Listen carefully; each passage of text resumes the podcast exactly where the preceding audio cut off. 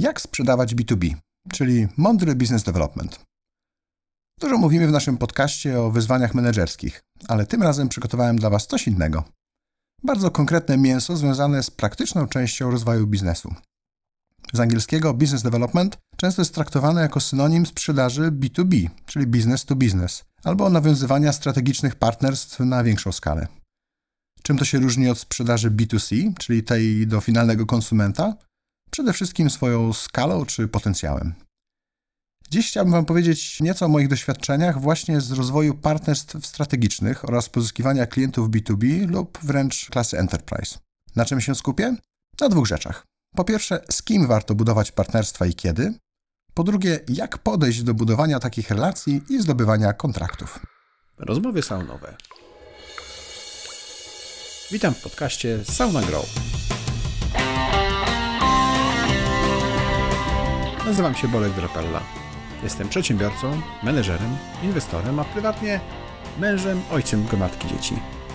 W życiu zawodowym pomagam firmom rosnąć mądrze, rozwijać się międzynarodowo i korzystać z dobrodziejstw technologii przy jednoczesnym zachowaniu ludzkiej twarzy w biznesie. Za dużo czasu poświęcamy pracy i sprawom zawodowym, aby nie przynosiło nam to frajdy w życiu codziennym. Podcast całą nagrą jest o tym, jak łączyć przyjemne z pożytecznym, jak dzielić się z innymi wiedzą jak umieć odpocząć od tego wszystkiego. Zapraszam do sauny. Porozmawiajmy o biznesie i nie tylko. Zacznijmy od tego z kim. Tu bardzo ważna jest maksyma always partner with a bigger one. Wysiłek względnie podobny, ale nagroda dużo wyższa. Dla przykładu, jeśli potencjał partnera jest na sprzedaż powiedzmy o wartości 100 milionów złotych, dużego partnera, a mniejszego o wartości miliona złotych, to jest to stukrotnie różny potencjał. A nawet jeśli dwa czy trzy razy bardziej musimy się nastarać o tego większego partnera, to i tak ta różnica między benefitami a kosztami jest znacznie na korzyść tego większego. Ale to nie jest tylko kwestia samej skali. Te znane marki, pozyskane w rozumieniu dużych partnerów, pomagają nam później w zdobyciu kolejnych, tych mniejszych.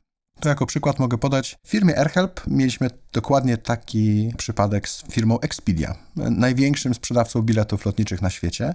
I udało się pozyskać tego partnera w bardzo wczesnym etapie rozwoju firmy. I to właśnie ta możliwość powiedzenia innym partnerom, że Expedia z nami już współpracuje, pomogła później podpisać ponad 100 kolejnych kontraktów.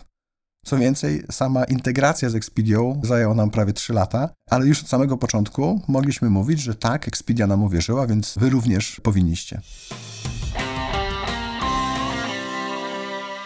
Teraz pytanie kiedy? Tu z kolei pomaga powiedzenie fake it until you make it. I znany dowcip z przyszłym zięciem Kulczyka. Dziś co prawda to nazwisko i firma, której tutaj użyję, są mniej aktualne, ale szło to mniej więcej tak. Ojciec chciał znaleźć właściwą partnerkę synowi. Zwrócił się do Kulczyka z takim pytaniem, że ma tutaj dobrego kandydata na zięcia, na co Kulczyk zapytał, a kim on jest? On mówi, on jest wiceprezesem Orlenu. Potem poszedł do Rady Nadzorczej Orlenu, mówi, że ma dla nich super kandydata na wiceprezesa. A kim on jest? spytali. A zięciem Kulczyka. Czyli Jednym słowem, pokazujemy tak naprawdę potencjał danej osoby, danego produktu, no i ktoś musi w niego uwierzyć na samym początku. Z mojego własnego podwórka miałem trochę podobną sytuację z moim świadectwem z paskiem w ósmej klasie. Brakowało mi sporo punktów do świadectwa z paskiem, ale jeśli udało mi się w zasadzie rozmawiać z czterema różnymi nauczycielami, mówiąc, że ich oceny wyższej brakuje mi do świadectwa z paskiem, to okazało się, że udało się w jakiś sposób tam poprawić tą ocenę, jeszcze coś dodatkowego zaliczyć, po to, żeby finalnie mieć świadectwo z paskiem. Natomiast nie wspomniałem może o tym, że żadna jedna z tych ocen nie dałaby mi świadectwa z paskiem, ale te cztery lepsze oceny już ten defekt osiągnęły. Czyli w skrócie chodzi o to, że czasem budując ten produkt, warto pokazać ludziom dookoła właśnie jego potencjał, zanim jeszcze faktycznie jest tak naprawdę czym się pochwalić. Bo to my budujemy ten produkt, my wiemy, że on jest super, my wiemy, że on naprawdę będzie dobry dla naszych klientów, no ale jakoś musimy zachęcić kogoś, by dał nam tą szansę. I w ten sposób płynnie przechodzimy do drugiego obszaru, czyli tego, jak podejść do budowania tego typu relacji. Schemat e, trochę podobny do opisywanego przeze mnie w odcinku o szukaniu drugiej osoby w innej organizacji. Chodzi o to, aby nie zaczynać od, a pojadę sobie na te duże targi i zobaczymy, może ktoś z tego będzie, ale żeby zacząć zupełnie z drugiej strony. Najpierw warto zrobić listę firm, do których najbardziej chcemy dotrzeć, pamiętając o tej zasadzie partner with big. A dopiero potem zastanowić się, gdzie konkretne osoby z danych firm znajdę.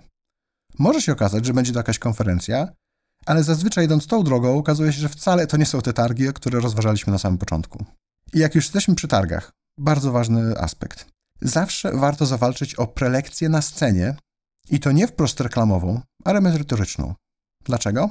Przede wszystkim ludzie znacznie chętniej słuchają ze sceny treści merytorycznych, a nie sprzedażowych. W momencie, kiedy widzą, że to jest prelegent, który jest sponsorem i ma teraz swoje tutaj 5 minut albo nawet mniej, wyłączają się. Albo fizycznie wychodzą z sali, albo po prostu myślami są gdzie indziej. A jeśli pokazujemy ludziom coś merytorycznego z naszego obszaru działania, a przy okazji wspominamy o tym, jak działa nasza firma, jak pomaga klientom, to mamy atencję grupy odbiorczej znacznie, znacznie lepszą.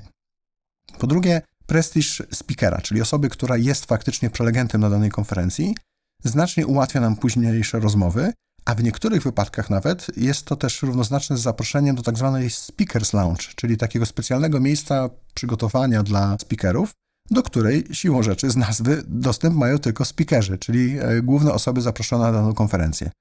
Chociażby w taki sposób miałem okazję poznać prezesa Booking.comu, czy również Expedia, gdzie normalnie nie byłoby możliwości porozmawiania z tymi ludźmi, bo są to po prostu bardzo zajęci e, ludzie z wysokiego profilu. I przede wszystkim ta możliwość wystąpienia na konferencji ma potężny wpływ na jakość gości, którzy odwiedzają nas przy stoisku. Nie ich liczbę, tylko jakość. Testowaliśmy to wielokrotnie, nie tylko w AirHelpie, w Morizonie, w kilku innych firmach. W momencie, kiedy byliśmy na scenie, to przychodzili do nas goście po wysłuchaniu prelekcji i chcieli z nami robić biznes. Dopytywali o szczegóły i chcieli z nami pracować. A jeśli nie mieliśmy miejsca na scenie, to owszem, przychodzili, ale głównie po to, żeby zabrać darmowe gazety. Dla przykładu mieliśmy okazję w ramach AirHelp uczestniczyć w konferencji Focusrite. To jest taka konferencja z branży online travel w Los Angeles. I tam mieliśmy swój czas na scenie. Co prawda było to tylko 6 minut, więc kawał świata lecenia tylko po to, żeby 6 minut wystąpić na scenie, ale grupą odbiorców było no, prawie 5 tysięcy osób, z czego to w większości były osoby, z którymi chcieliśmy podpisać partnerstwo jako, jako AirHelp, więc bardzo dobrze dobrana grupa docelowa. I efektem tych, tych spotkań i później rozmów kuluarowych było kilka naprawdę bardzo ciekawych partnerstw, które funkcjonują e, do dzisiaj. A dla drugiego przykładu byliśmy też na Aviation Summit w, w Londynie, z takiej konferencji branży już typowo lotniczej, gdzie linie lotnicze występowały. I tam nie udało nam się wejść na scenę z naszą prelekcją i tam efektów nie było dosłownie żadnych. To są oczywiście tylko dwa skrajne przypadki, ale wierzcie mi, e, jeśli idziecie na targi, zawalczcie o to, żeby być na scenie z merytoryczną, a nie reklamową prezentacją. No dobrze, ale jak już mamy ten kontakt z właściwym człowiekiem z właściwej firmy, no to, to co dalej? Tutaj nie sposób nie wspomnieć o języku korzyści, o pierwszym wrażeniu oraz o tak zwanych business case'ach, szczególnie właśnie w tym B2B, w tych, tej sprzedaży enterprise. Co mam dokładnie na myśli? Chodzi o to, żeby nie sprzedawać naszego pomysłu jego parametrami. Dla przykładu, jeśli ktoś sprzedaje komputer, to nie powinien mówić do zwykłego użytkownika tego komputera, że to jest taki procesor, tyle ma gigaherców, tyle ma y, RAMu, a tyle ma jakby dysku twardego, bo dla większości ludzi to nie jest język korzyści, to nie jest coś, co ja osiągnę dzięki tym parametrom. Natomiast jeśli powiem w taki sposób, że dzięki tym parametrom tego komputera będę mógł jednocześnie pracować nad obróbką filmów i mieć jeszcze 50 zakładek otwartych w Chromie, to już większości osobom się to zaświeci, aha, czy ten komputer nie będzie mulił, będzie można faktycznie dużo na nim zrobić. I to samo musimy robić, odzywając się do przyszłych partnerów biznesowych, zanim oni stracą zainteresowanie nami. Czyli właśnie to pierwsze wrażenie musi być e, mówione językiem korzyści, i business case bardzo w tym pomaga. Business case, czyli pokazanie dokładnie, ile ten klient może zarobić na tym, że kupi od nas nasz produkt czy naszą usługę. W Helpie mieliśmy to bardzo dobrze jakby rozrysowane i ten proces przećwiczony i byliśmy w stanie w bardzo małej e, liczbie danych wstępnych powiedzieć, ile set tysięcy euro albo nawet ile milionów partner może z nami zarobić. To jest bardzo ważne. Pamiętajcie o tym i zastanówcie się, jak w waszym biznesie można językiem korzyści mówić i pokazać faktycznie korzyści finansowe waszym klientom przyszłym. Tyle na dziś. To oczywiście tylko liźnięcie tematu business developmentu, ale mam nadzieję, że te kilka aspektów i podpowiedzi pozwoli wam być bardziej efektywnymi. Pamiętajcie, że wsparciem również takich procesów zajmujemy się jako mentorzy biznesowi w SaunaGrow, gdzie pomagamy firmom rosnąć mądrze. Miłego dnia życzę i wielu sukcesów podobał Ci się ten odcinek, bardzo prosimy, oceń nasz podcast w Twojej ulubionej platformie streamingowej. Jeśli możesz, podziel się linkiem z tego odcinka w social mediach, np. na LinkedInie czy Facebooku. Dzięki temu możemy sprawnie działać i nagrywać kolejne podcasty. Z góry serdecznie dziękujemy za tak okazane wsparcie.